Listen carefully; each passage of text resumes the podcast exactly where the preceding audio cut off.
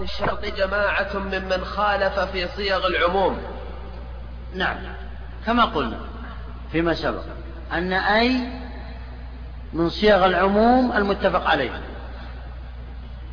لم يخالف فيها أحد حتى أنكم تبطلون في تخصيصكم بالقياس أو بالقياس على الرجل أو بالقياس على عقد البيع والشراء. هذا واحد. نعم. الثاني أنه أكد بما وهي من مؤكدات العموم. نعم أنه أكد بما أن أي هذه من صيغ العموم المتفق عليها. وزيد على ذلك أن ما أيما ما التي في أيما أكدت صيغة العموم هنا. والصيغة صيغة العموم المؤكدة أقوى من صيغة العموم التي لم تؤكد. إذ قولنا أتى الطلاب كلهم أقوى من قولنا أتى الطلاب فقط. فكل أكدت الطلاب والطلاب جمع معرف بألف آه، من صيغ العموم ولكن أكد مع ذلك بكل. نعم. الثالث أنه رتب بطلان النكاح على الشرط في معرض الجزاء. نعم. ولو اقترح على العربي الفصيح. نعم. يقول أن الثالث أنه رتب الجزاء على الفعل على فعل الشرط.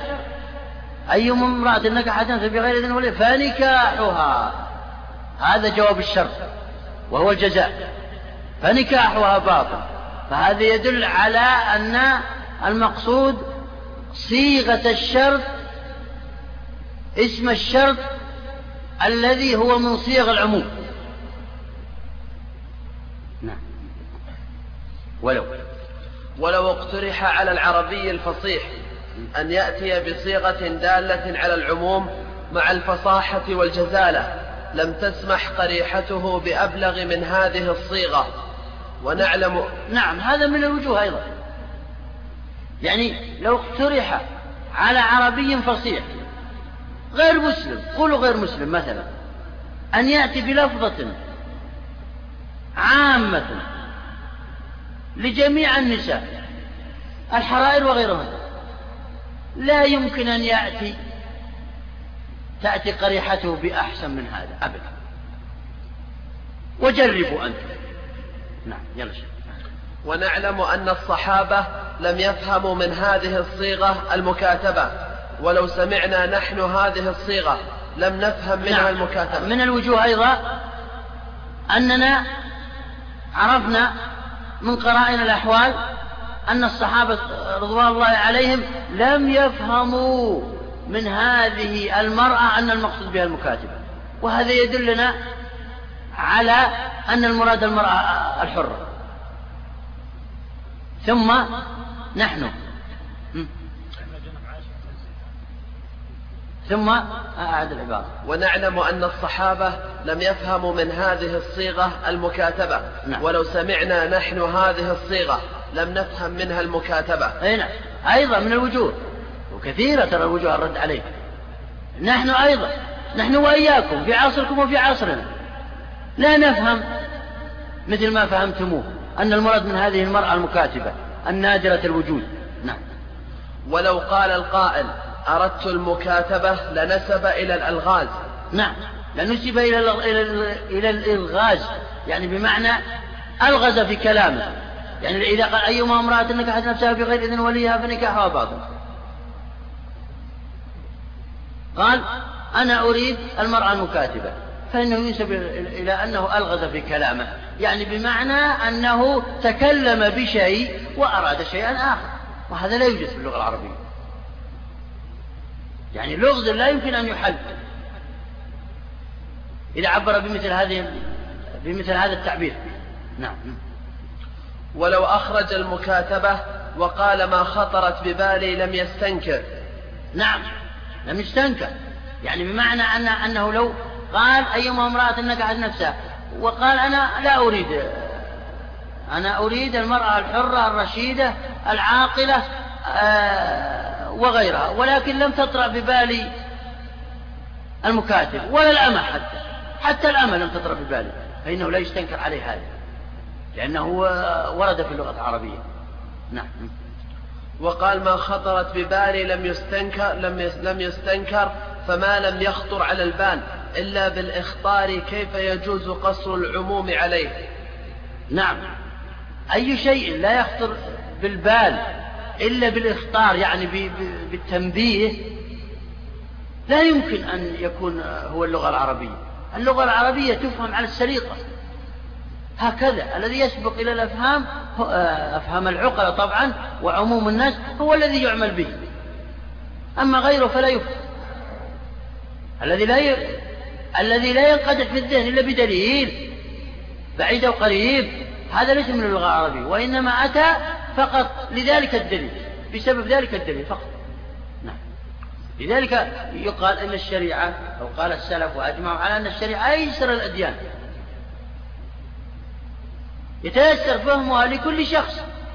لو كان آه، عامي أو آه، طالب علم لم يبلغ درجة الاجتهاد يفهم كثيرا من الأمور. نعم.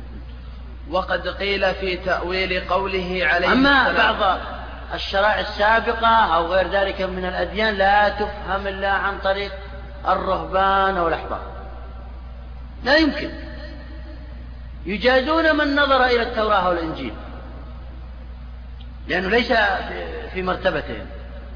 ويحتقرونهم.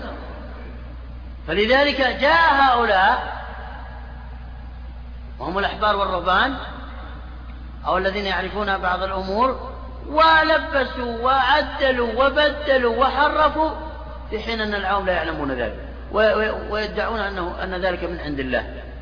لذلك أهل الأهواء والبدع الآن تجدون لهم رؤساء.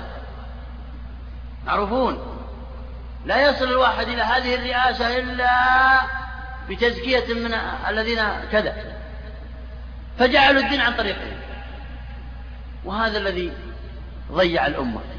والأمم كلهم. لكن الشريعة تختلف. الشريعة يأخذ الإنسان الحكم من أي مكان ومن أي شخص ومن أي كتاب إذا كان يفهم اللغة. نعم.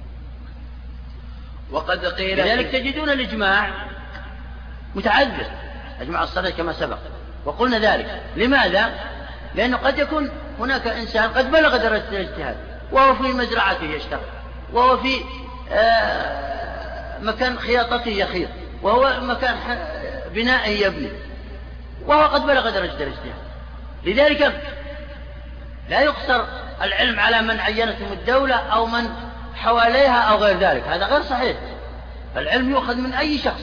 لذلك قالوا بأنه يتعذر الإجماع لأنه لا يمكن أن يدور الإنسان على جميع بلدان المسلمين ويقول ما رأيكم في المسألة كذا. إنما الإجماع السكوتي هو الذي يستدل به الآن نعم. وقد قيل في تأويل قوله عليه السلام لا صيام لمن لم يبيت الصيام من الليل. نحمله على القضاء. نعم. أنه من هذا القبيل. أي نعم بعضهم حمل هذا أن تشترط النية لصيام القضاء قضاء رمضان فقط. أما صيام رمضان نفسه فلا تشترط النية لكل ليلة. إن بعضهم قال اشترى النية لكل شهر رمضان. تكفي عن جميع إنما الجمهور قالوا لا تشترط النية لكل ليلة في أداء رمضان.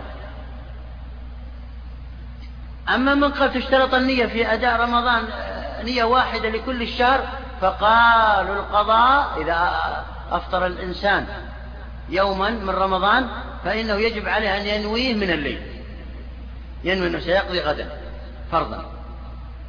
وغيره لا تشترط. حملوا الحديث هذا على هذا القضاء فقط.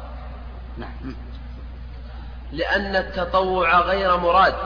لأن التطوع غير مراد لماذا؟ أكمل عبارة فلا ينفي إلا الفرض الذي هو ركن الدين. نعم. لأن التطوع غير مراد فلا ينفي إلا الفرض الذي هو يبقى. مكتوب عندي ينفي يا شيخ. ما أدري يبقى. نعم يلا فلا يبقى إلا الفرض الذي هو ركن الدين وهو صوم رمضان. نعم. والقضاء والنذر يجب بأسباب عارضة. فهو كالمكاتبة في مسألة النكاح. والصحيح نعم. نعم. هم قالوا هنا إن نعم رأيهم آخر وهو أنهم قالوا إن الذي يجب فيها النية هو الفرض. طبعا الحنفية قالوا تكفي نية نية واحدة لشهر رمضان كله. أما الجمهور فقالوا لا لكل ليلة نية من أداء رمضان. هنا قصروا الحديث على النية في الفرض. النية في الفرض. وأخرجوا القضاء والنذر. مع أنهما فرض لماذا؟ لأنهما آه لم يصمهما هذا الشخص إلا بسبب وهو بسبب القضاء أو بسبب الوفاء بالنذر. أما التطوع أخرجوه. قالوا لا نية له لما ورد من الأحاديث المسقطة للنية. فإنه إذا أصبح الإنسان فإنه إن شاء صام وإن شاء أفطر لا تشترط له النية أو تبيت النية من الليل. حملوه على صيام الفرض. قال المجيب إن هذا الحمل حملتم هذا الحديث العام على حالة واحدة وهو الفرض. هذا كحملكم المرأة على المكاتمة فقط. لا فرق بين هذا وهذا. حملتموه على النادر. أو على شيء واحد من أشياء كثيرة. هذا أيضا ليس ببعيد كالمكاتبة وإنما هو ضعيف. وإنما هو ضعيف. نعم. والقضاء والنذر يجب بأسباب عارضة فهو كالمكاتبة في مسألة النكاح. نعم. والصحيح أنه ليس ندر ليس ندرة هذا كندرة المكاتبة وإن الفرض أسبق إلى الفهم فيحتاج, فيحتاج هذا التخصيص إلى فيحتاج هذا التخصيص إلى دليل قوي. أي نعم يبين هنا المصنف أن أن أن المكاتبة أندر لما حملوا حملوا المرأة العامة على المكاتبة هذا نادر جدا وبعيد ولا ينقدح في ذهن إلا الخواص.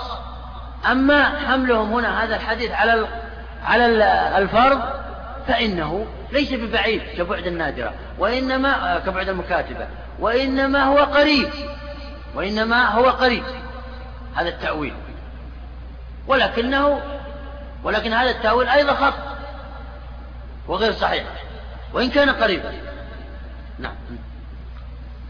والصحيح أنه ليس ندرة, ليس ندرة هذا كندرة المكاتبة وإن الفرض أسبق إلى الفهم فيحتاج هذا ندرة المكاتبة. يعني أي نعم ليس المكاتبة. نعم. لأن هي فاعلة. نعم. والصحيح أنه ليس ندرة هذا كندرة المكاتبة وإن الفرض أسبق إلى الفهم فيحتاج هذا التخصيص إلى دليل قوي. يعني يقصد من هذا أن الفرض جميعا الصوم المفروض يسبق إلى الذهن من هذا الحديث سواء كان أداء أو قضاء أو وفاء بالنذور. في الصيام يعني. يسبق إلى الفهم لكنه بعيد أيضا كونهم جعلوه في الفرض هذا. نعم. وليس يظهر بطلانه كظهور بطلان التخصيص بالمكاتبة. قصده أن بطلان تخصيص المرأة الواردة في الحديث السابق بالمكاتبة أظهر وأقوى من بطلان تخصيص هذا الحديث على الفرض وتأويل إليه. لأن هذا أيضا أيضا مما قوى هذا الذي نحن بصدده أن أن عندنا ثلاثة أفراد أو أربعة الفرض الأداء والقضاء والوفاء بالنذر والتطوع. أنتم معي؟ التطوع خرج بإجماع. إذا ثلاثة أفراد. هم خصصوه بالفرض. أما المرأة لما حملوها على المكاتبة فهم ملايين الأفراد أخرجوها. ملايين الأفراد. هنا أخرجوا فردين فقط. القضاء والنذر. هذا الذي جعل المكاتبة نادرة جدا. وأن التأويل هنا هناك على المكاتب باطل بطلانا واضحا وهذا أخف من بطلانا. نعم. وعند هذا يعلم أن إخراج النادر قريب والقصر على النادر ممتنع. وبينهما درجات تتفاوت, تتفاوت في البعد والقرب. ولكل مسألة ذوق يجب أن تفرد بنظر خاص ويليق ذلك بالفروع. نعم هو يقول هنا أن التأويل البعيد يختلف عن التأويل القريب. فالتأويل البعيد طبعا يظهر بطلانه بأدلة وقرائن والتأويل القريب يظهر بطلانه بأدنى دليل وأدنى يعني كذا. كذلك المتوسط وكل مجتهد له ذوق. قصده بالذوق أي آه، ما يلزم من تلك الألفاظ الواردة في الآية وفي الحديث. يعني له تذوق الألفاظ. ومن تذوق الألفاظ وتذوق استلزامات كل لفظ عرف دلالات الألفاظ وعرف معجز, معجز اللفظ الوارد من الله أو في السنة الشريفة. فكل مجتهد له ميول. وكل مجتهد له اتجاه وكل مجتهد يتوجه يرجح شيئا لم يرجحه الآخر. فلذلك هذا راجع إليه. كما قلت فيما سبق بعضهم يستدل بالمصلحة. يقول أنا هذا هذه المصلحة أقوى عندي من مفهوم تلك الآية وذلك الحديث. هذا هذا القياس أقوى عندي من كذا. وهكذا. وهم جالسون في في في مكان واحد. ينظرون في مسألة واحدة كل واحد يستدل بدليل لأن كل واحد يرجح دليلا. لا يمكن أن نقول والله القياس ما دام أنه دليل قوي ينبغي أن يستدل به جميعا. لا غير صحيح. القسم الثالث المجمل وهو ما لا يفهم منه عند الإطلاق معنى. نتوقف ولا؟ ما رأيكم؟ ها؟ طويل. ها؟ يلا شوف القسم الثالث المجمل وهو ما لا يفهم منه عند الإطلاق معنى. نعم. هذا القسم الثالث من أقسام دلالة اللفظ. اللفظ أحيانا يدل على معنى واحد فقط. أحيانا يدل على معنيين أحدهما أرجح والآخر مرجوح. أحيانا اللفظ يدل على معنيين لا يرجى أحدهما على الآخر وهو اللفظ المشترك المعروف. وهو الشك عند المناطق. يعني شككت في هذا اللفظ هل يدل على هذا أو يدل على هذا؟ وأنت متردد بينهما. لا ترجى أحد المعنيين إلا بقرينة. نعم يمشي. وقيل ما احتمل أمرين لا مزية لأحدهما على الآخر. لا مزية يعني لا آه ترجيح. بمميز يعني لا يتميز أحدهما على الآخر بشيء. متفقان في كل شيء. نعم. وذلك مثل الألفاظ المشتركة كلفظة العين المشتركة بين الذهب, بين الذهب والعين الناظرة وغيرهما. أي نعم. لفظة العين. جاء شخص وقال رأيت عينا. فإن هذه اللفظة مشتركة بين أمور كثيرة. السامع قد يفهم منها عين الجارية. هذه النافعة يعني. العين الباصرة التي تبصر. الذهب يسمى عينا. الجاسوس يسمى عينا. الشمس تسمى عينا. وهكذا. فهذا السامع لا يفهم شيء من هذه العبارة. إلا إذا وجد قرينة وجدت قرينة هنا رأيت عينا فاغتسلت منها عرف أن المراد الجارية. نعم يمشي والقرء للحيض والطهر. وذلك القرء الوارد. هل هو الحيض أو الطهر؟ فلا يرجع أحدهما على الآخر. لذلك بعض العلماء قال أن أنها تعتد المرأة ثلاث قروء ثلاث حيض. وبعضهم يقول ثلاث ثلاثة أطهار. لأن اللغة لأن العرب جعلوا هذه الكلمة مترددة بين هذه المعنى الطهر أو الحيض. لا يرجع أحدهما على الآخر إلا بقرينة نعم. والشفق للبياض والحمرة نعم الشفق. صلى العشاء بعد. بعد الشفق. ورد هذا الحديث. فهل المراد من الشفق هنا البياض الذي بعد الحمرة أو الحمرة؟ اختلف في ذلك. يعني هل تنتهي وقت صلاة المغرب بالبياض أو بالحمرة؟ فاختلف العلماء في هذا وسبب الخلاف أن هذه اللفظة مشتركة بين المعنيين اشتراكا لفظيا. لا يرجح أحدهما على الآخر نعم وقد يكون الإجمال في لفظ مركب كقوله تعالى أو يعفو الذي بيده عقدة النكاح. أي نعم.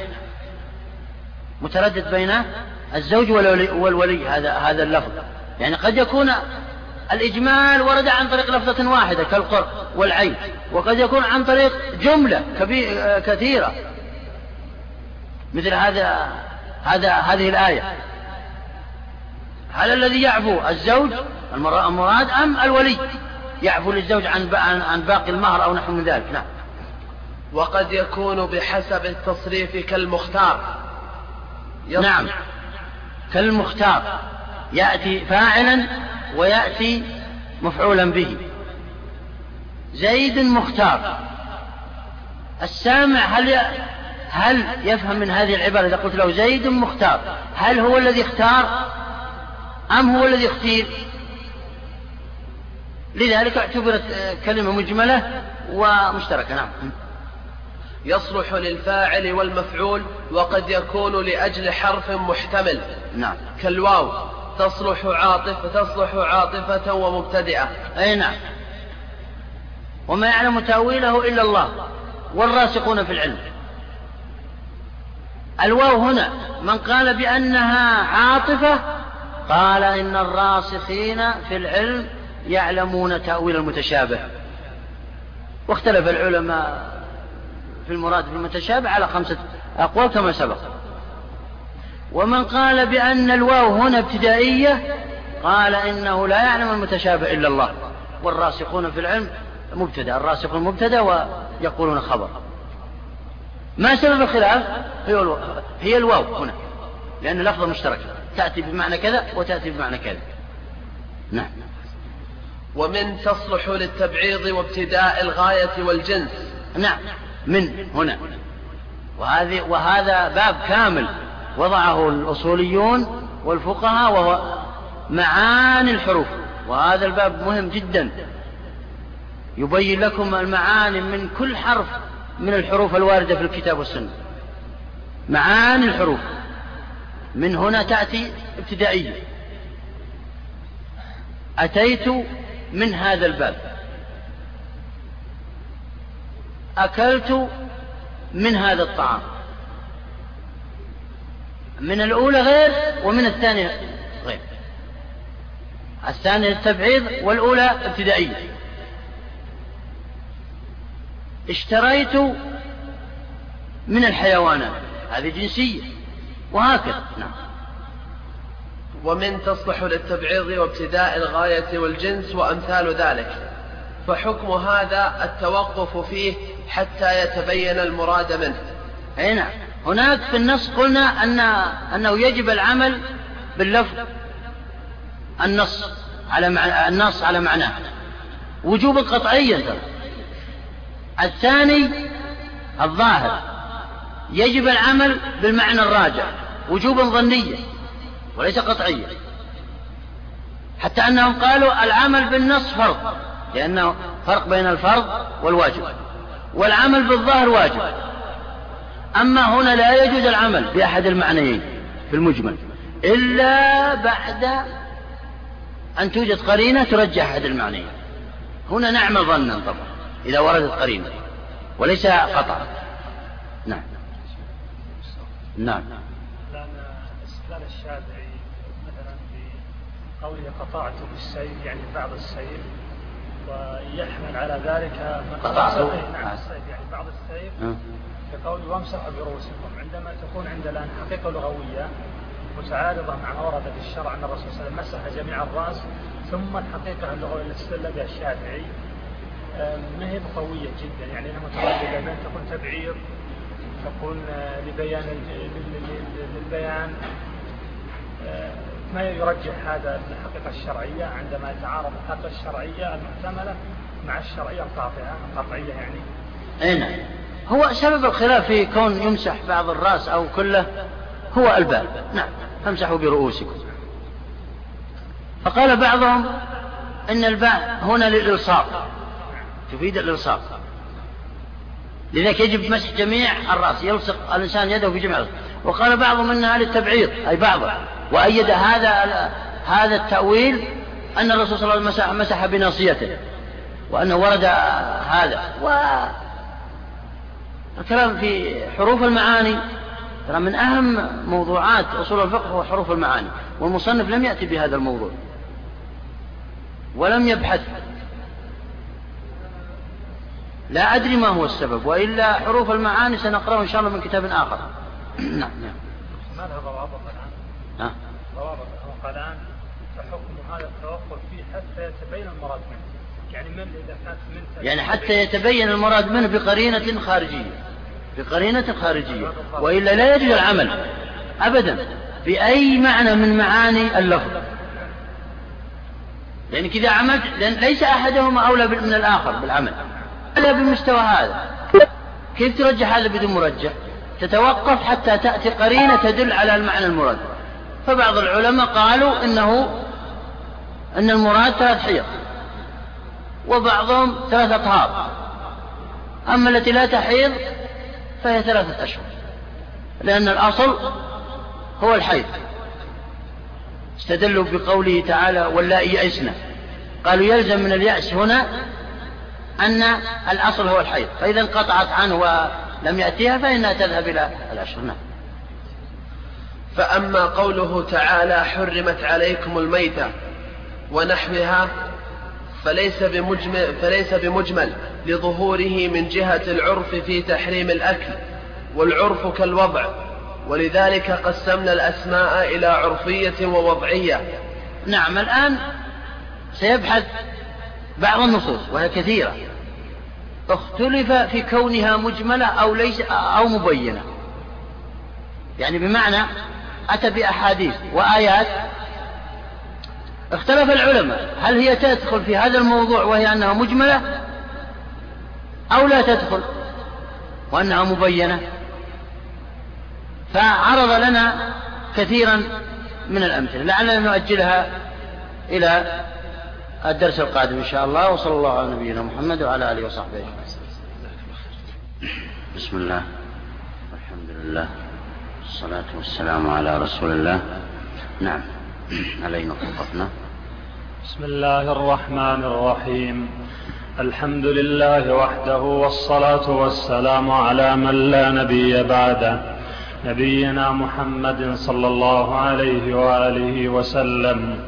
أما بعد قال الإمام ابن قدامة رحمه الله تعالى في كتابه الروضة بعدما تكلم عن القسم الثالث وهو المجمل قال ومن تصلح للتبعيض وابتداء الغاية والجنس وأمثال ذلك. فحكم هذا التوقف فيه حتى يتبين المراد منه. فأما قوله تعالى حرمت عليكم الميتة ونحوها فليس بمجمل لظهوره من جهة العرف في تحريم الأكل والعرف كالوضع. ولذا نعم. لما انتهى من بيان حقيقة المجمل وهو اللفظ الدال على معنيين فصاعدا لا مزية لأحدهما على الآخر بمعنى أن هذا اللفظ دل على أكثر من معنى لا لا يجوز ترجيح أي واحد من المعاني إلا بدليل خارجي. فلذلك قال المصنف نتوقف لا يجوز العمل بأحد العمل بأحد المعنيين إلا بمرجح خارجي. وقد مثل المصنف وبين أن الإجمال أحيانا يكون بين الأسماء وأحيانا يكون بين الجمل يعني جملة كاملة مجملة وأحيانا يكون بين الحروف وهكذا. وهذا ورد في القرآن والسنة كثيرا. لذلك العلماء رجحوا بمرجحات خارجية إما من السنة أو من الأدلة المعتبرة الأخرى كما سبق. هناك بعض النصوص التي اختلف العلماء فيها. هل هي مجملة أم هي مبينة؟ فمنها قوله تعالى حرمت عليكم الميتة. حرمت عليكم الميتة. اختلف العلماء في هذه في هذا المحرم. بعضهم يقول إن هذا مجمل. مجمل بين معاني كثيرة. وهي أن المحرم هو الأكل أو اللمس لمس الميتة أو النظر إلى الميتة أو آه شم رائحة الميتة أو نحو من ذلك من المعاني. يقول أن اللفظ لم يبين أحد المعاني. هذا كلام بعض العلماء. أما الراجع وهو قول الجمهور فإن هذا ليس بمجمل بل هو ظاهر. ظاهر في أن المحرم هو الأكل فقط. أما النظر إلى الميتة أو لمسها أو غير ذلك من الأمور فإنه ليس بمحرم. فما هو دليل الظهور؟ قال دليل الظهور قاعدة. قد سبقت لنا أن شرحناها وبيناها وهي أن قاعدة في اللفظ إشارة في اللفظ أن كل شيء حكم عليه أن كل شيء حكم عليه بحكم يخص ما خصص هذا الشيء لأجله. فمثلا الشيء الذي في الأطعمة إذا قيل أنه محرم معناه الأكل ما ينصرف الذهن إلا إلى الأكل فقط. إذا كان الشيء في في العقارات أو الدور أو نحو من ذلك فإنه يخص في الدخول حرمت عليك هذه الدار. أي المحرم هو دخولها ليس النظر إليها ولا لمس الجدران ولا غير ذلك من الأمور. ما يخص النكاح ونحو ذلك. إذا قيل حرمت عليك هذه المرأة أي وطأ أما آه، السلام أو نحو من ذلك فهذه مسائل أخرى. لكن أهل اللغة خصصوا لكل شيء تحريم وحكم معين إذا أطلق ينصرف التحريم إليه وقد أشار المصنف إليه. لذلك الجمهور قالوا أن هذا ليس بمجمل وإنما هو ظاهر واضح. حرمت عليكم الميتة. هذه الميتة التي لو ذبحت وذكيت بشروطها لجاز أكلها. لكن ما دام أنها ميتة ماتت حتف أنفها فإنها فإنها آه فإن المحرم هو هو الأكل فقط ما أعدت له. يحرم من الشيء ما أعد له فقط. نعم. أما قوله. فأما قوله تعالى حرمت عليكم الميتة ونحوها فليس بمجمل لظهوره من جهة العرف في تحريم الأكل. كأنه يقول لأنه ظاهر لأنه من قسم الظاهر وليس من قسم المجمل كما قال بعض العلماء. قال لظهوره نعم. والعرف, والعرف كالوضع ولذلك قسم والعرف كالوضع. لأن أنا قلت لكم القاعدة تعارفوا عليها. أنه إذا أطلق الحكم ننظر إلى هذا الشيء هل هو من الأطعمة؟ إذا محرم أكله هل هو من باب النكاح أو من باب الأمور ما يتصل أو ما يتعلق بهذا؟ إذا المحرم وطء وهكذا. نعم. ولذلك قسم لذلك يقول العرف كالوضع. ما تعارفوا عليه كالوضع اللغوي. كما أن اللفظة وضعت لهذا المعنى. لغة فكذلك العرف تعارف على هذا الشيء ويتبع العرف ما تعلق به من الأحكام. كما قلنا هناك أسماء عرفية أسماء وضعية ثم أسماء عرفية ثم أسماء شرعية ثم مجاز مطلق. لابد هذه الأمور الأربعة يدور عليها القرآن كله ترى والسنة. وأكثرها أسماء الأول وهي أسماء اللغوية. والأوامر والنواهي والعموم والخصوص والمجمل والمبين وغير ذلك والمفاهيم كلها تدخل تحت هذه التقاسيم. نعم. ولذلك قسمنا الأسماء إلى عرفية ووضعية. ومن أنس بتعارف أهل اللغة علم أنهم يريدون بقوله حرمت عليك الطعام الأكل دون اللمس والنظر. وحرمت عليك الجارية الوطأ يذهبون في تحريم كل عين إلى تحريم ما هي معدة له هذه قاعدة. ضعوها بين قوسين يذهبون في تحريم كل عين إلى ما أعدت له. هذه قاعدة لغوية وهذا وهذا آه هو السبب الذي جعل بعض العلماء وأكثر العلماء يشترطون بلوغ درجة الاجتهاد في اللغة العربية من أجل بلوغ درجة الاجتهاد في الشريعة. لأجل أن يتذوقوا اللغة العربية من تذوقها ودقق فيها وعرف دقائقها عرف مقاصد الشارع في الكتاب والسنة.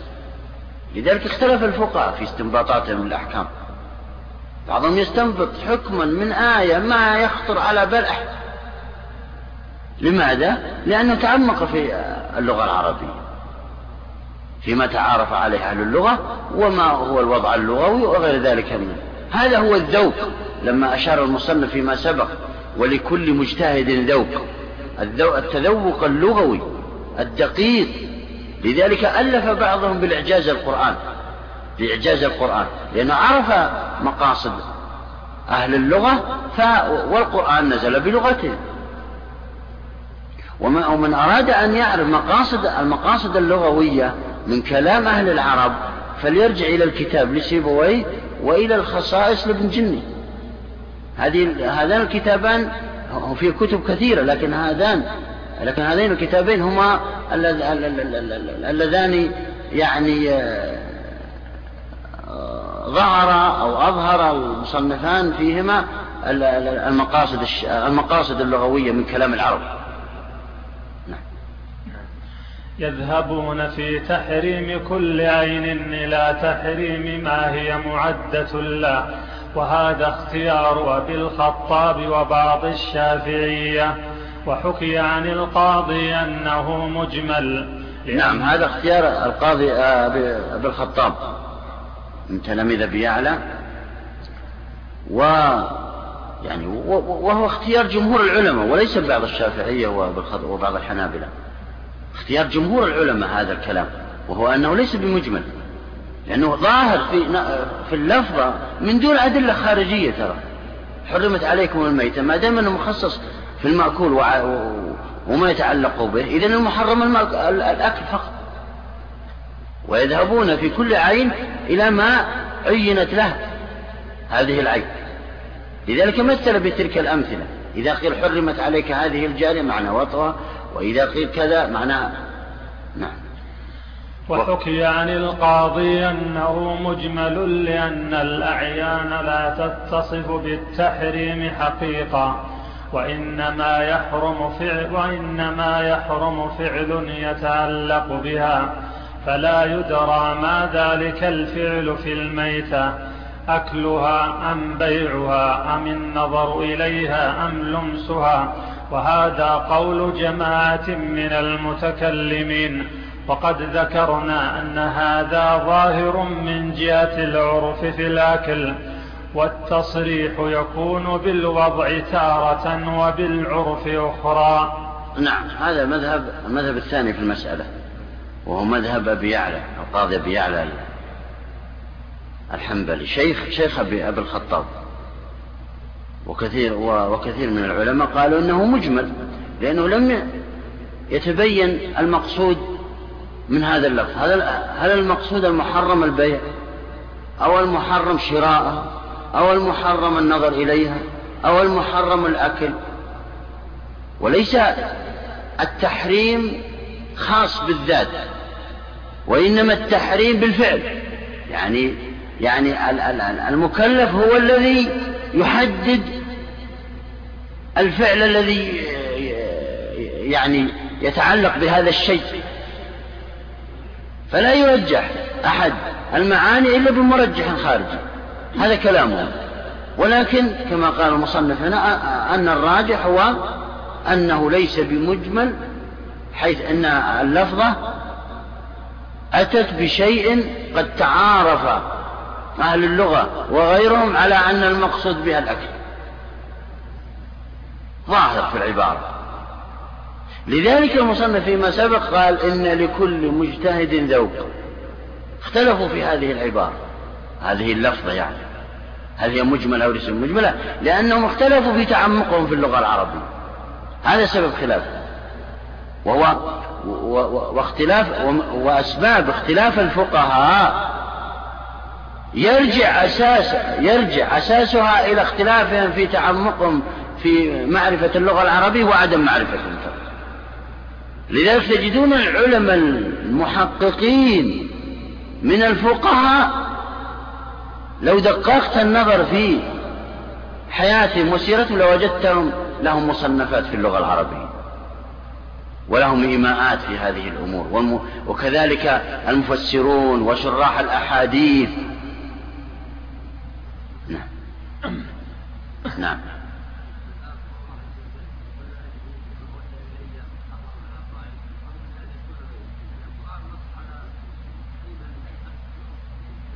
لا هم يتكلمون الآن في نصوص ستأتي نفس اللفظة لأنه لو است...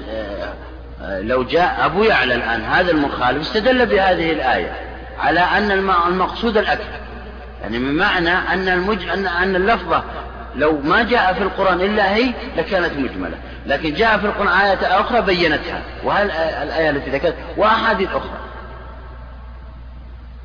أما الجمهور قالوا لا ما نحتاج إلى الآية الأخرى. إن الآية مبينة واضحة ظاهرة ليست مجملة لاحظ الفرق بين المذهبين. هذا يقول إن إن البيان جاء من اللفظ.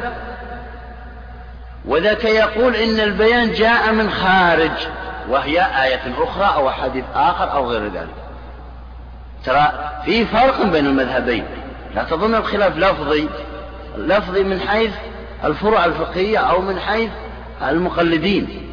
أما الأصول وتعارض آه، يعني الأدلة فإن هذا قال إن تحريم أخذناه تحريم الأكل أخذناه من نص الآية وذاك يقول أبو يعلى ومن تابعه يقول إن التحريم أخذناه من دليل خارجي. فليست الآية قوية ببيانها. نعم. وقول الله تعالى وأحل الله البيع ليس بمجمل وإنما هو لفظ عام فيحمل على عمومه وقال القاضي هو مجمل. نعم. وأحل الله البيع. البيع هذا. وأحل الله البيع. يقول ليس بمجمل ظاهر وهذا كلام الجمهور. وهو البيع والشراء والعقد. آه والذي في أخذ وعطاء وغير ذلك هذا هو والذي يجب أن يكون عن تراض أما بعض العلماء ومنهم القاضي قال لا أنه مجمل ما لم يبين البيع الخاص والبيع العام. لأن يعني هناك بيع خاص وبيع عام وهناك بيوع آه، في أبواب كثيرة. وهناك أنواع البيوع بيع العين بالعين وبيع العين بالدين وبيع الدين بالعين وغير ذلك من أنواع البيوع. فهو هل جميعها حلال؟ يقول القاضي. هذا غير صحيح. إذا لا بد من تعيين البيع الحلال مخالف أما الجمهور قالوا لا أحل الله البيع لأن العهدية تذهب إلى ما تعارف عليه ما تعارف عليه العرب في مسألة البيع. ويخرج بيع الدين بالعين وبيع العين بالدين وغير ذلك من الأمور كما إلا بأدلة الخارجية. كما قالوا هناك حرمت عليكم الميتة. المقصود هو الأكل. ويخرج بيع الميتة أو أو اللمس وغير ذلك إلا بدليل يدخلها. إلا بدليل يدخل آه، هذه الأمور مع المحرم. كذلك هنا. قالوا أبدا واضح. البيع هو المعهود المعروف. لدى المجتمع الإسلامي. أو لدى المجتمع العربي قبل أن يأتي الإسلام. نعم.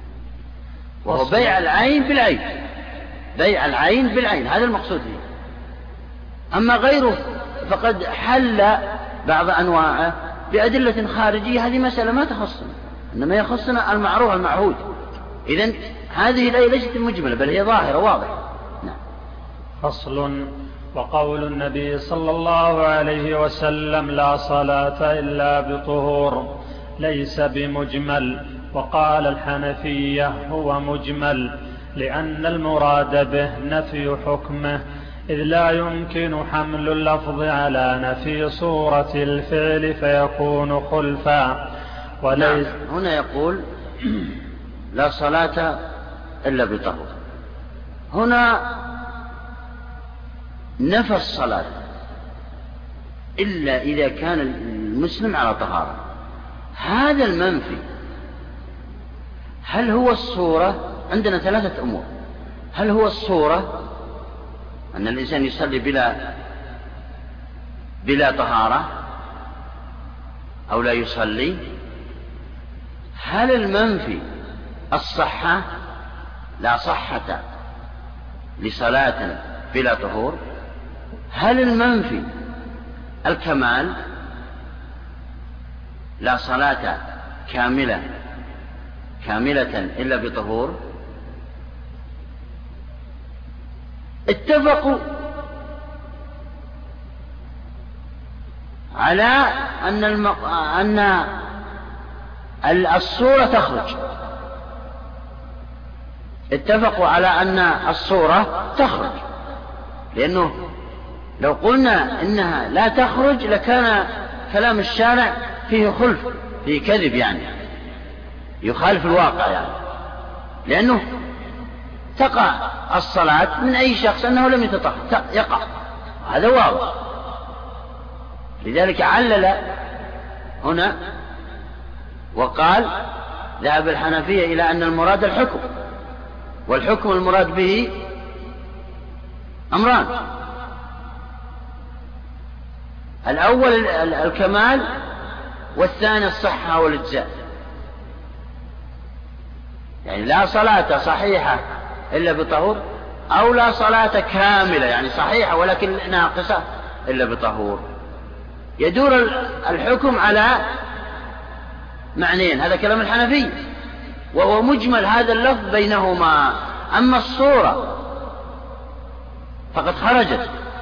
ولا بد أن نخرجها. لأنه يقع من الناس أو أي إنسان أنه يصلي بلا طهور أعد العبارة. وقال وقول النبي صلى الله عليه وسلم لا صلاة إلا بطهور ليس بمجمل. وقال الحنفية هو مجمل لأن المراد به نفي حكمه. لا نفي حكمه. أي هل هو الصحة أم الكمال؟ المعنى يدور حول هذين اللفظ يدور دل على هذين المعنيين الذي لا يمكن أن نرجع أحدهما على الآخر. قال لأن المعنى الثالث قد أخرجناه. قال هنا لأن المراد لأن المراد به نفي حكمه إذ لا يمكن حمل اللفظ على نفي صورة الفعل فيكون خلفا. لا يمكن. أخرجوا. العلماء لأن عندنا ثلاثة معاني. المعنى الثالث أخرجناه. يعني يقع. لا شك أن يقع عند كثير من الناس أو بعض الناس أن يصلي بلا طهر. بقي معنى معنيين هل هو الإجزاء والصحة أم هو الكمال؟ المنفي هنا؟ هذا كلام الحنفية. نعم. وليس حكم أولى من حكم. ليس يقول الدليل على أن هذا اللفظ مجمل أنه يدل هل يدل على نفي الصحة لا صلاة صحيحة إلا بطهور أو يدل على نفي الكمال أي لا صلاة كاملة. هي صحيحة ولكنها ليست بكاملة إلا بطهور ولا وليس أحدهما أولى من الآخر. هذا كلام الحنفي. نعم. كثير من الحنفي وليس كلهم طبعا. نعم. قلنا إذا حملناه على نفي الصلاة الشرعية لم يحتج قالوا هذا كلام الجمهور. وهو أن ليس بمجبر ظاهر واضح. أن المراد هو المعنى الأول وهو لا صلاة صحيحة إلا بطهور يعني آه، الجمهور يقولون أبدا لا صلاة صحيحة إلا بالطهور وليس لا صلاة كاملة. مع آه، يرجح عليه أو, أو, أو ظاهر في هذا المعنى. صحيح أن اللفظ يحتمل معنيان. طبعا الصورة أخرجناها من أول. يحتمل اللفظ آه، معنيين. أحدهما الصحة والآخر الكمال لكن يرجح الصحة يرجح المعنى الأول وهو كون المراد الصحة. لماذا؟ قال. قلنا إذا حملناه على نفي الصلاة الشرعية لم يحتج إلى إضمار الحكم وإنما يصار إلى الإضمار إذ, لا إذ, لم إذا, إذ, إذا لم يمكن حمل اللفظ على ما أضيف إليه اللفظ. فإن قيل نعم. هو يقول هنا إننا إذا حملناه على الصحة لا نحتاج إلى إضمار. لماذا؟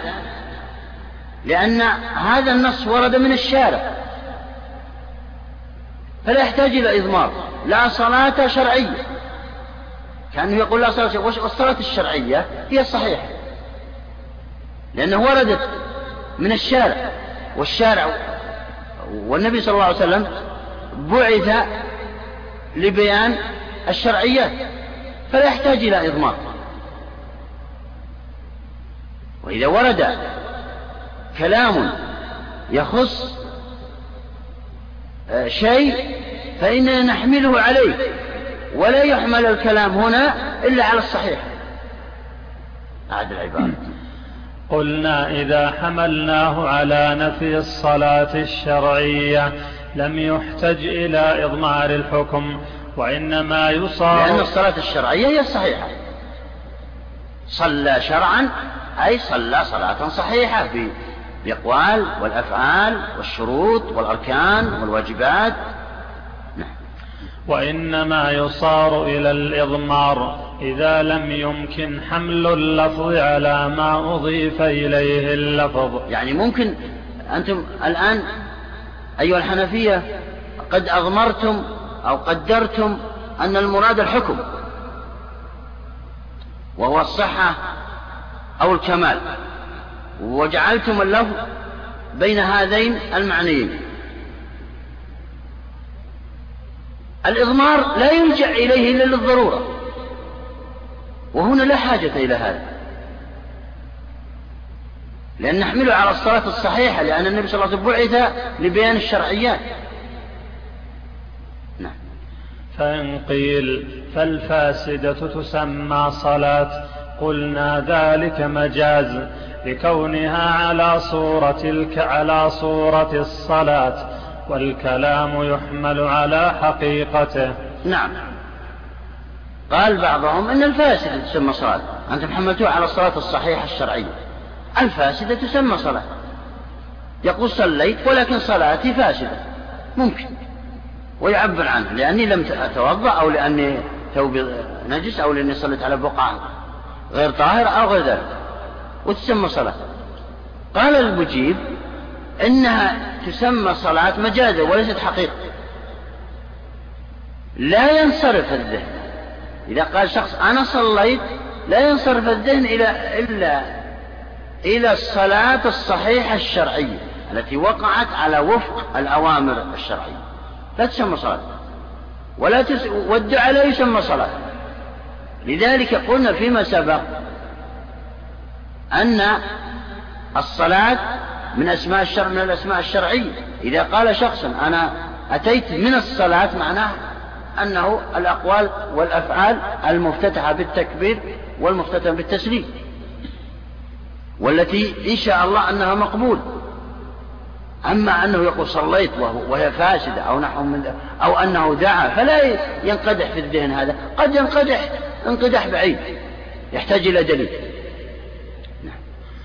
والصحيح أن يحمل ذلك على نفي الصحة ووجهه أنه قد اشتهر في العرف نفي الشيء لنفي فائدته كقولهم لا علم إلا ما نفع ولا عمل إلا بنية. ولا بلدة إلا بسلطان يراد به نفي الفائدة والجدوى. نعم. لما يعني قال إننا نحمل كل نفي على ما يخص ذلك النفي في تخصصه كما قلنا في القاعدة السابقة. فلما قال لا صلاة إلا بطهور يعني لا صلاة مفيدة للإنسان دنيويا في الدنيا والآخرة إلا بطهور والصلاة المفيدة هي الصحيحة لا إيش؟ قال الأمثلة. إيه، قال لا علم إلا ما نفع ولا لا علم إلا ما نفع. لا علم إلا ما نفع. يعني لا علم ينفع الإنسان في دنيا وآخرته إلا الشيء النافع. أما العلم غير نافع كالعلوم الأخرى يتعلم الإنسان علم النجوم وعلم الكواكب وعلم السحر وعلم وعلم. هذا لا يمكن أن يطلق عليه علم أصلا. العلم هو النافع في الدنيا والآخرة. لذلك الصحابة لما أرادوا أن يعرفوا العلم بعضهم قال العلم هو العلم الشرعي. علم الفقه والتفسير وما يراد منك في الدنيا والآخرة. هذا هو العلم. ما ترونه من انتشار العلوم الأخرى هذه مجرد مساعدة فقط للإعانة على بعض الأمور في الدنيا. والآن المشكلة أنها أصبحت الآن في هذا العصر مقصد من مقاصد الدول. لو دققتم في طلاب الشريعة وطلاب غير الشريعة. لوجدتم أن طلاب غير الشريعة في الدول الإسلامية أضعاف مضاعفة وما ذلك إلا من توجيهات الدول باستشارة من الدول الأجنبية الكافرة. لأنهم يريدون أن يقضوا على هذا بأي طريق من الطرق على هذا الدين. فلذلك الآن بدأوا يفتتحون كليات جديدة. لأجل أن يمشوا مع التطور. وهذا غير صحيح كله دعاوي. لا صحة له. لا تطور بلا دين. أيضا قللوا من بعض المحاضرات في بعض الكليات لأجل أن يضعوا بعض المحاضرات الأخرى. حاسب الآلي والحاسب كذا وغير ذلك من الأمور. فالسلف كانوا أو كان السلطان أو الخليفة يندب بعض قلة جدا من الطلاب يتعلمون الطب أو يتعلمون بعض العلوم الأخرى. أما كونه يتوجه جميع الطلاب أو أغلبهم يمكن 95% من الطلاب الآن ذهبوا إلى غير العلم ويسموه علم؟ ليس. أصبح مقصد. والأصل أن المقصد هو الشرع. الشريعة علم الشريعة هذا الأصل. نعم. ف لا صلاة نافعة إلا تصلى بطهور. مثل يقول لا علم إلا ما نفع. نص نفس العبارة. لذلك يحمل على الشيء الذي ينفع في الآخرة. نعم. ولا عمل إلا بنية ولا بلدة إلا بسلطان. نعم ويقاس عليه كل هذه الأمثلة. ولو قضينا لا بلدة إلا بسلطان. نعم. يعني هل معنى ذلك أنه لا توجد بلدة أصلا إلا بسلطان؟ قد توجد بلدة وفيها أناس وبيع وشراء بدون سلطان. ولكن لا بلدة ينتفع من وجود الإنسان بها وينتفع من نفسه ويبيع ويشتري بأمان إلا بالسلطان ينظم هذه البلدة. وإلا وإلا تكونت هذه البلدة من عصابات يا القوي يقتل الضعيف ويأخذ ما عنده. كذلك هنا. نعم. ولو قضينا بالصحة لم تنتفي الفائدة فيكون على خلاف العرف. ولا يصح حمل ولو قضينا بالصحة لم تنتفي الفائدة. يعني بمعنى لو آه، أننا حملنا المراد من ذلك وأن ظاهر بالصحة في نفي الصحة المراد بها الفائدة موجودة. لكن إذا تركنا الصحة ولم نقدر الصحة لا صلاة صحيحة فإنها لا فائدة منها وإن وجدت. نعم. ولو قضينا بس ألا ألا ألا الكفار اليهود والنصارى يسمون ما يفعلونه صلاة. يأتي اليهودي ويقول أنا أتيت من الصلاة. وهم منتشرون في القاهرة كثير وفي في مصر وفي بعض البلدان الأخرى.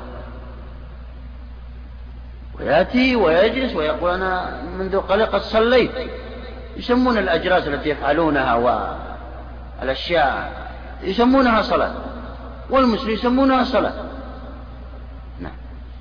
ولو قضينا بالصحة لم تنتفي الفائدة فيكون على خلاف العرف. ولا يصح حمله على نفي الصلاة الشرعية. فإنه إن أريد بالصلاة الشرعية الصورة لم يمكن حمل اللفظ عليه لكونه خلفا. وإن فسرت بالفعل مع الحكم لم يصح لأن الصلاة يؤمر بها وينهى عنها. والأمر والنهي إنما يتعلق بالفعل الذي يمكن الاتيان به وتركه. نعم يقصد من هذا الكلام أننا لا يجوز أن نحملها على الصلاة الشرعية مطلقة ونسكت لأن الصلاة كلمة الصلاة الشرعية ينبغي أن ننظر إلى ما هي ماهية الصلاة؟ هل هي صلاة بلا ركوع ولا سجود كصلاة الجنازة؟ أو صلاة بركوع وسجود؟ أو صلاة بسجود كسجود الشكر والتلاوة؟ أو صلاة الصلاة المعتادة؟ وكذلك ينبغي أن ننظر إلى الوقت. أحيانا يعني الوقت يكون لا يجوز فيها الصلاة النوافل وأحيانا كذا إلى آخره. وأحيانا الصلاة تكون قبل الوقت. قبل وقت تقول الصلاة هذه لا تصح وإن صليت بطهور ولا تقبل وفاسدة وإن كانت بطهور لا يجوز يقول لا يجوز أن نحملها على الصلاة الشرعية الشرعية ونسكت. لا بد أن نقول الصلاة الشرعية نحملها على الصلاة الشرعية التي هي الصحيحة التي هي ونخصصها. واللفظ واضح على هذا. نعم. فصل وقول النبي صلى الله عليه وسلم لا عمل إلا بنية يدل على نفي الإجزاء وعدمه لما ذكرنا من العرف فليس هذا من المجملات بل هو من المألوف بل هو من المألوف في العرف وكل هذا نفي لما لا ينتفي وهو صدق. لأن المراد نفي مقاصده لا نفي ذاته. نعم. لا عمل إلا بنية أيضا. يعني لا عمل شرعي صحيح إلا إذا نواه العامل. أن المقصود هو الطاعة. المقصود به هو طاعة الله وتنفيذ أوامره وترك نواهيه.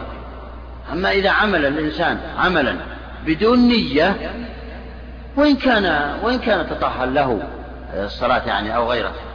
وإن أمسك من الفجر إلى غروب الشمس بلا نية فهذا لا يعتبر لا من قريب ولا من بعيد. لا بد أن يقصد. لذلك تجدون آه، لا يصح تصح العبادات من المجنون لأنه لا يعرف النية ولا يعرف المقاصد. ولا يعرف من هو الآمر ومن هو المأمور وكيفية العمل. كذلك الصبي غير المميز كالمجنون لا لا نية له ولا يعرف النيات والمقاصد. فلذلك لا عمل صحيح إلا بنية فلا بد أن نقدر هذا الكلام. هذا ليس بالمجمل بل هو واضح. نعم يلا. فصل وقوله عليه الصلاة والسلام رفع عن أمة الخطأ والنسيان المراد به رفع حكمه فإن علمنا أنه لم يرد رفع صورته لأن كلامه يجل عن الخلف. يجل عن الخلف يعني يقول هنا نفس كلامنا عن الصلاة هناك لا صلاة إلا بطهور هناك قلنا يحتمل الأمر ثلاث أمور إما الصورة أو الصحة أو الكمال. وتكلمنا عنه. وأخرجنا الصورة كذلك هنا نخرج الصورة رفع عن أمة الخطأ والنسيان وما استكره عليه. هنا صورة الخطأ والنسيان والإكراه يقع من الأمة الصورة نفسها. إذ لو لم يقع لما أتى بهذا الحكم. لما أتى بهذا الحكم. وهو الله سبحانه وتعالى يعرف أنه سيقع. لذلك قال النبي صلى الله عليه وسلم ذلك. لكن المقصد هنا هو رفع الحكم حكم الخطأ والنسيان. لكن هل هذا الحكم هو رفع الإثم أم هو رفع؟ أيضا كل شيء يتعلق بالحكم. يعني بمعنى لو أخطأ الإنسان أو نسي المبيت بمزدلفة مثلا لمن قال بأن المبيت بمزدلفة واجب أو منه. أخطأ أو نسي. هل عليه دم وهو ذبح شاة أم لا؟ هذا هو الخلاف هنا. بعضهم يقول رفع عنه الإثم فقط. وبعضهم يقول رفع عنه الإثم وما ترتب على هذا المفعول نسيانا. ما عليه شيء لا دم ولا غير أي شيء يقع خطأ أو نسيان فيما يتعلق بحقوق الله لا يجب على الإنسان شيء فيه ولا إثم عليه. هذا مذهب. المذهب الثاني يقول أما المذهب نكمل المذهب. أما إذا كان فعل شيئا يخص الآدميين فإنه يسقط الإثم.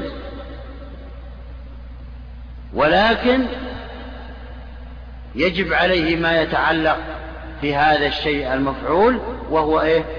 وهو الضمانات. يضمن قيم المتلفات ويدفعها. إذا كان أتلف شيء نسيانا. هذا المذهب الأول. المذهب الثاني يقول لا. إن الإثم مرفوع. ولكن عليه ولكن ما تعلق بهذا الشيء المفعول نسيانا أو إكراها أو آه، خطأ يدفعه سواء كان لله أو للآدميين الكلام الذي سيأتي يدور حول هذا الذي قلناه قال أعد العبارة. وقوله صلى الله وقوله عليه الصلاة والسلام رفع عن أمة الخطأ والنسيان. المراد به رفع حكمه. فإن علمنا أنه لم يرد رفع المراد به ظاهرا أنه رفع الحكم لأن الصورة واقع لا شك.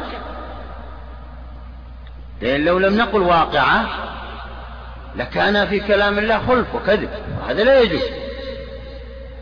لأن قال رفع عن أمة الخطأ يعني معناه ما يقع عندهم خطأ ولا نسيان ولا إكراه هذا لا يمكن كما قلنا هناك. فإن علمنا أنه لم يرد رفع صورته لأن كلامه يجل عن الخلف وقيل المراد به رفع حكمه الذي هو المؤاخذة لا نفي الضمان ولزوم القضاء. هذا كلام بعض العلماء. قيل أنه المرفوع هنا هو المؤاخذة وهي الإثم يعني. يعني لا يؤاخذ الله عز وجل من فعل شيئا نسيانا أو خطأ أو أو أكره عليه. هذا آه مذهب. لكن يجب عليه أن يدفع ما أتلفه أو قتله يدفع الدية أو الكفارة إذا فعل شيئا نسيانا أو خطأ أو قتل خطأ أو نحو من ذلك. نعم. وقيل المراد به رفع حكمه الذي هو المؤاخذة لا نفي الضمان ولزوم القضاء لأنه ليس بصيغة عموم. لزوم القضاء القضاء. بعض العلماء يقول حتى في الحج لو وطأ زوجته قبل التحلل الأول مخطئ أو ناسي فإنه لا شيء عليه. يكمل حجه طبيعي. لأن الحديث واضح وبعضهم يقول لا. قال لأن هذا من حقوق الله والله سبحانه وتعالى أسقط حقه بدليل الصيام يقولون. من أكل أو شرب نسيانا فليتم صومه فإن الله أطعمه وسقاه. وهكذا. وبعضهم يقول لا. إنه إذا وقع نسيان أو خطأ فإنه يتم صومه يتم حجه وعليه القضاء وعليه بدنه. نعم. لأنه ليس بصيغة عموم فيجعل عاما في كل حكم كما لم يجعل قوله تعالى حرمت عليكم الميتة عاما في كل حكم. بل لا بد من إضمار فعل يضاف النفي إليه فها هنا لا بد من إضمار حكم يضاف الرفع إليه ثم ينزل على ما يقتضيه عرف الاستعمال قبل الشرع. نعم. ويقول هنا أن المذهب ويتكلم عن مذهب الحنابلة ومذهب الحنابلة معروف أكثرهم يقولون إن أنه المرفوع هو الإثم والمؤاخذة فقط. أما ما يتعلق بهذا الفعل من ضمانات وقضاء وكفارات فإنه يجب على الفاعل وإن فعل نسيانا أو إكراها أو خطأ أو غفلة أو سهوا أو غير ذلك. لأنه لا يجوز أن نحمله لا يجوز أن نحمل الرفع على العموم يقول. بل على شيء خاص وهو رفع الاسم فقط.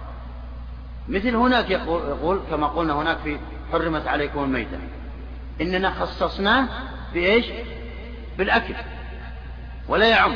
كذلك هنا يقول لا يعم.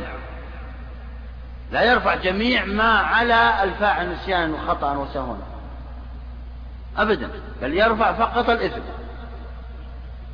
نعم.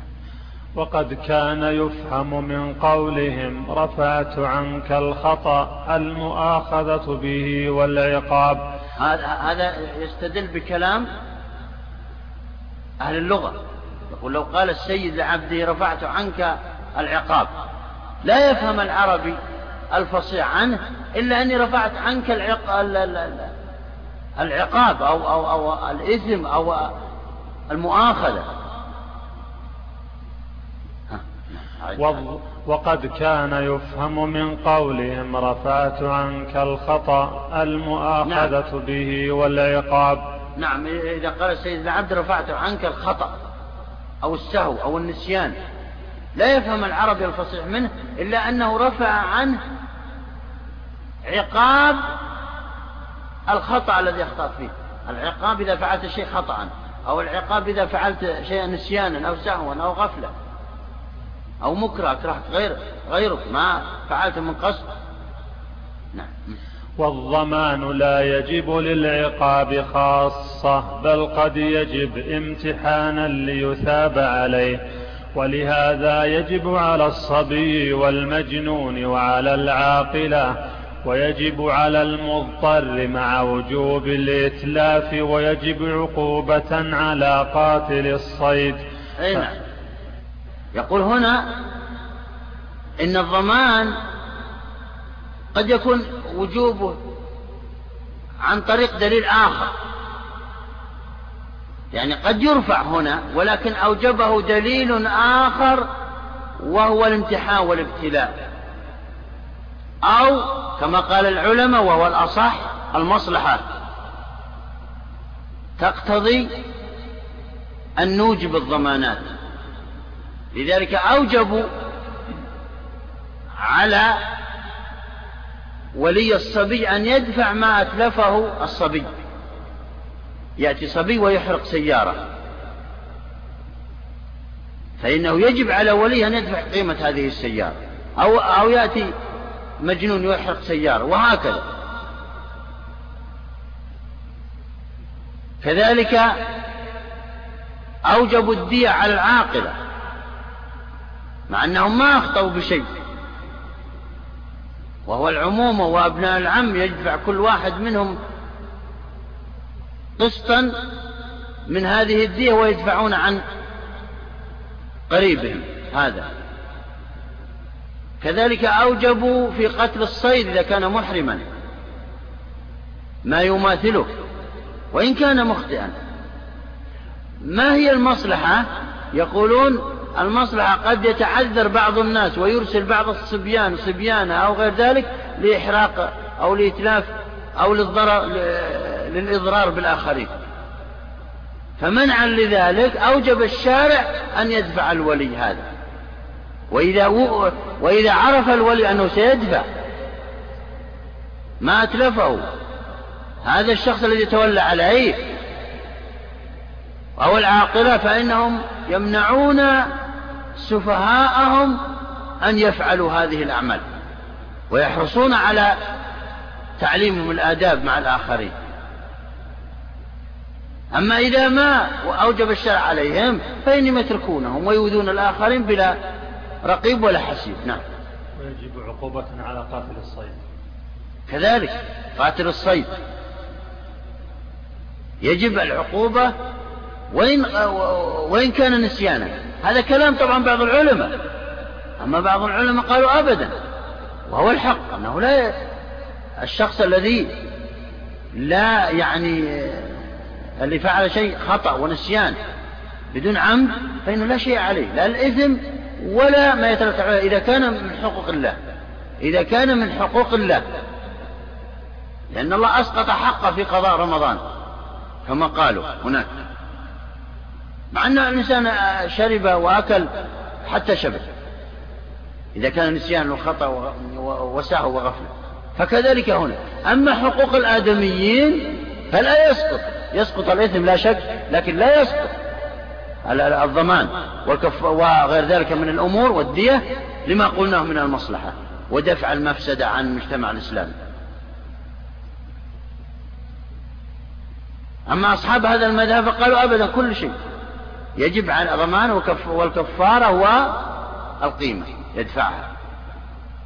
أما المرفوع فهو الإثم نخصصه به نخصص المرفوع, المرفوع بأنه الإثم.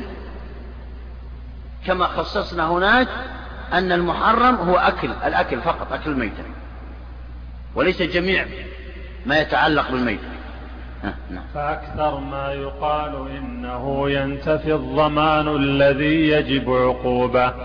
قال أبو الخطاب وهذا لا يصح لأنه لو أراد نفي الإثم لم يكن لهذه الأمة فيه مزية فإن الناس لا يكلف في كل شريعة. نعم. هذا كلام أبو الخطاب وهو يوافق ما قلناه من أن ما يتعلق بحقوق الله فهو ساقط. الإثم وهو حق من حقوق الله يؤثم أو يعفو وكذلك الضمان. أو دفع الكفارة أو نحو من ذلك أو القضاء كل هذا تصدق يقول أبو الخطاب لو كان المرفوع فقط الإثم لما كان للشريعة الإسلامية مزية على غيرها من الشرائع السابقة. الإثم مرفوع على جميع أفراد الشرائع. لا شك أنه لا يكلف الإنسان فوق طاقته. لكن لكن ينبغي أن نقول أن الإثم أن المرفوع هو الإثم والضمانات كلها لأجل أن تكون لنا مزية على غيرنا المتعلقة بحقوق الله فقط. أما المتعلقة بحقوق الآدميين فإن المصلحة فإن جلب المصالح ودفع المفاسد تقتضي إيجاب هذه الضمانات للآدميين. نعم. ولأنه لما أضاف لا.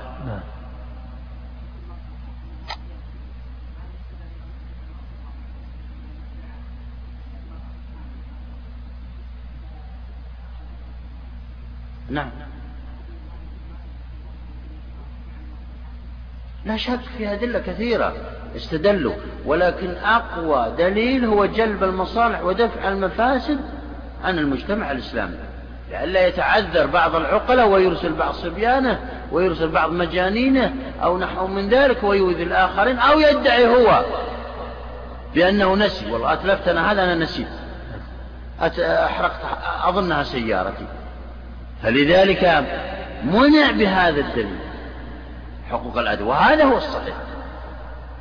حتى أغلظ الأحكام تسقط إذا كان من حقوق الله إذا كان نسيانا لم يقصد يعني. الله سبحانه وتعالى ما أتى بهذه العبادات ليعذب عباده بها. قاعدة يكررها علماء السلف. ما أتى الشارع وأمر بهذه العبادات ليعذب عباده بتلك بتلك العبادة. أبدا. وإنما أتى لها ليختبرهم في بعض في بعض الأشياء. الأوامر والنواهي المغلظة أو نحو من ذلك. أما ما يفعله الإنسان وهو مخطئ أو ناسي أو ساهي أو مكره فلا عليه شيء من حيث التأثيم ومن حيث الضمانات والكفارات والقضاء التي تخص حقوق الله. أما حقوق الآدمين فقد أوجب هو يسقط أصلا ولكن أوجب من دليل آخر خارجي وهو المصلحة كما قلنا. نعم. ولأنه لما أضاف الرفع إلى ما لا ترتفع ذاته اقتضى رفع ما يتعلق به ليكون وجوده وعدمه واحدا. كما أنه لما أضاف النفي إلى ما لا تنتفي ذاته انتفى حكمه ليكون وجوده وعدمه واحدا والله أعلم. نعم يقصد من هذا أنه قال في الحديث رفع عن أمة الخطأ والنسيان وما استكرهوا عليه. فهنا أضاف الرفع إلى كل شيء يتعلق بالخطأ سواء كان الإثم التأثيم يعني أو الضمانات وأحكام القضاء والكفارات. فلو خصصنا الإثم فلو خصصنا الإثم فقط لما كان عندنا دليل قوي لهذا التخصيص. فهو مبين وليس بمجمل. واضح أن المرفوع الجميل. الحكم. والحكم ينقسم إلى قسمين. حكم أخروي وهو الإثم. وحكم دنيوي وهو وجوب الضمانات. فإذا خصصنا حكم دون حكم معناه أننا خصصنا بدون تخصيص. هكذا قال العلماء بدلا من عن هذه العبارة التي ذكرها المصنف. يقول لماذا إذا آه، قدرنا أن المرفوع هو الحكم؟ ونحن خصصناه بأنه الإثم. يكون وجوده وعدمه واحد إذا. لكن لما خصصنا أن أن المحذوف أو قدرنا أن المحذوف هو الحكم يراد من ذلك أن جميع الأحكام المتعلقة بالله عز وجل مرفوعة. وهذا هو الحق ترى يا جماعة. أي إنسان يفعل أي شيء مهما كان من غير قصد ومن غير عمد وترصد كما يقول الآن مع سبق الإصرار والترصد فإنه لا شيء عليه من حيث حقوق الله. أما من حيث حقوق الآدميين فيجب عليه أن يدفع. وهكذا. نعم. أصلا وقد نصوا على ذلك ويكررونه دائما في الحج. نعم. فصل البيان والمبين في مقابلة المجمل واختلف في البيان. نعم. يعني كأنه يقول إن هذا الفصل أتي به لمناسبته لما سبق. لأن المجمل قال هناك في حكمه لا يجوز العمل به لأنه متردد بين معنيين لا مزية لأحدهما على الآخر. فهل نتوقف لا نعمل؟ فلا بد من شيء يبين يبين المراد. حتى نعمل بالمراد. نعم. واختلف في البيان فقيل هو الدليل وهو ما يتوصل بصحيح النظر فيه إلى علم أو ظن. نعم. يقول هو الدليل. البيان أو المبين.